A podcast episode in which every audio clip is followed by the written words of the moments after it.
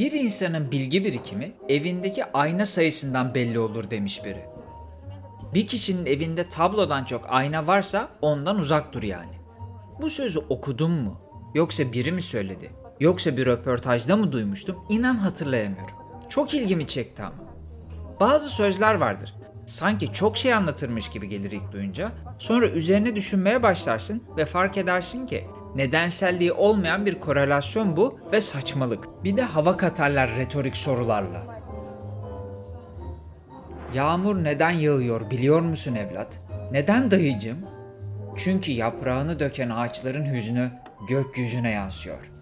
Vay dayım be ne laf ettin. Büyük adamsın. Halbuki sonbahar geldiği için yapraklar dökülüyor ve sonbahar bir yağmur mevsimi. Yani bir korelasyon var da nedensellik yok. Belki de ağaç mutlu. Oh be tüm yaz içimde tuttum nihayet tüm pisliği atıyorum diyor. Böyle konuşunca da sen nasıl sosyal bilimcisin diyorlar. Romantik değilim ya ondan. Belki de sosyal bilimci bedenine hapsolmuş bir mühendisimdir. Kim bilir? Ama sana kendimi ifade edebildiğimi düşünüyorum. Sonuçta içi boş lafları güzel güzel satmaya bayılan bir kitle ve bunu almaya hazır toplum yolunda insanlar var. Sorgulamıyorlar ya. Ver retoriği, ver nedensellik olmayan korelasyonu, durduğun kabahat. Lakin insanın bilgi birikimiyle evdeki aynı resim sayısı arasındaki ilişki bence bu sözler gibi değil.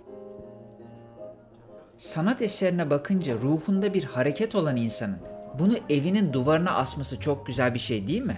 Saydım, biri hediye olmak üzere toplam 7 tane tablo var evimde. Şimdi bir 8.yi yaptırıyorum bugünlerde. Çünkü baktıkça yaşadığımı hissediyorum. Baktıkça içimde bazı insani yönlerimi kaybetmemem gerektiğini hatırlıyorum. Ne bileyim baktıkça mutlu oluyorum ya da baktıkça hedeflerim için daha çok mücadele etmem gerektiği aklıma geliyor. Her resmin bir öyküsü, her tablonun bir anısı var. Aynalar öyle mi? Mevcutta sahip olduğum 7 tabloya karşılık toplam 3 tane ayna varmış evimde. Ayna karşısında sadece kendini hayran hayran seyreden ego sahiplerinden olamadım ben hiçbir zaman. Bakarım saçım nasıl, bakarım kıyafetim düzgün duruyor mu, çıkar giderim. Bir daha gün içinde aynaya bakmak aklıma bile gelmez. Her zaman söylediğim gibi bu işin doğrusu benim yaptığımdır gibi bir iddiam asla yok. Ama aynalardan iten bir şey var beni. Belki de yüzümdeki maskedir bu. Kendi yolunda olan herkesin yüzünde bir maskesi olmalı bence. Çünkü bizleri toplum yolundakilerin anlaması mümkün değil. Hiçbir zaman anlayamayacakları için de seni alaya alma çabası içine girmiyorlar mı? Düşünsene karşında yaşayışına anlam veremediğin ve dimdik duran bir insan var. Ve onun kendi hayatını yaşayışındaki bu kararlılığı senin zayıf yanın. İster istemez bir tepki veriyor vücudu.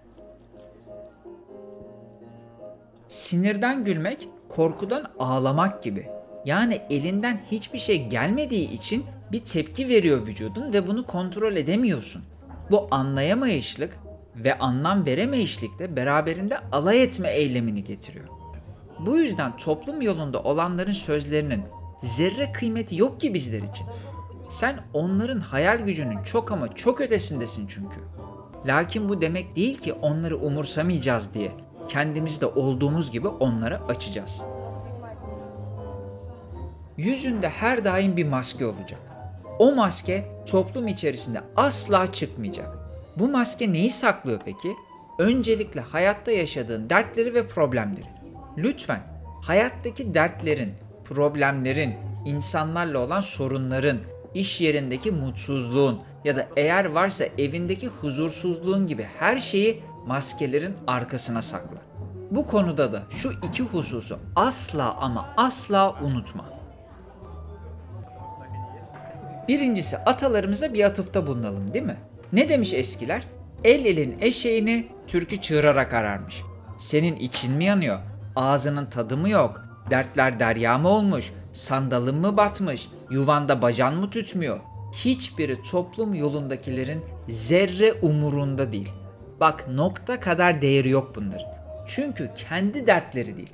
Çocuğu lösemi olan anne derdini anlatsa dese ki kemoterapiden benim kızımın saçları döküldü. Bu insanlıktan zerre nasibini almamış, dibi yanmış kek kalıpları asla utanmadan şöyle diyecekler. O da bir şey mi canım? Benim kızın saçını çok kötü kesti kuaförü. Bak şok olursun şok.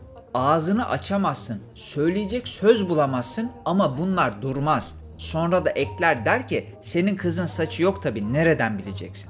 Şimdi lütfen bir sakin ol ve düşün hemen bana ya bu kadar da olur mu demeden önce. Sen de bu toplum yolundakileri benim kadar tanıyorsun. Bu olay yaşanmaz kardeşim hayır bu kadar da olamaz diyebilir misin? Ben emin değilim işte. Çünkü toplumu çok iyi tanıyorum. Bu nedenle de bu insanlara dert anlatmak sana hiçbir şey katmaz.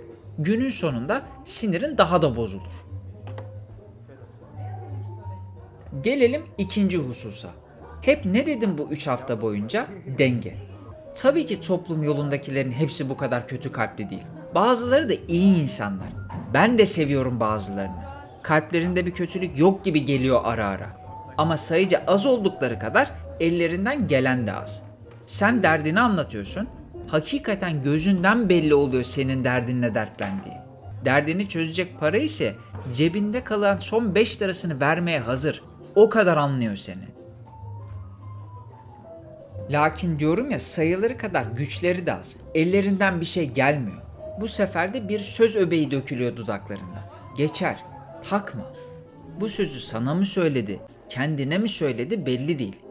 Yani kendi derdini geçti, senin derdini dert edindi, elinden de bir şey gelmiyor, o yüzden söylüyor bu sözleri. Diğerleri gibi değil. Takmadaki vurgusu bile samimiyetinin göstergesi aslında. O duygu geçiyor zaten sana.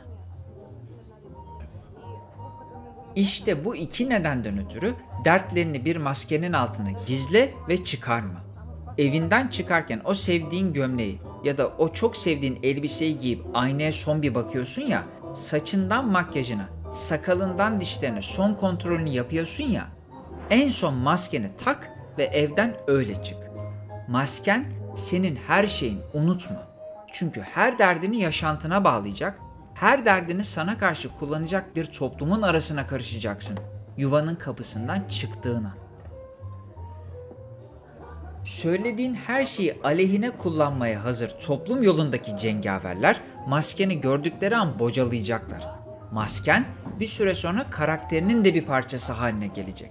O maskeyle yaşayacak, o maskeyle iş yapacak, o maskeyle yemek yiyecek ve o maskeyle topluluk içinde var olacaksın.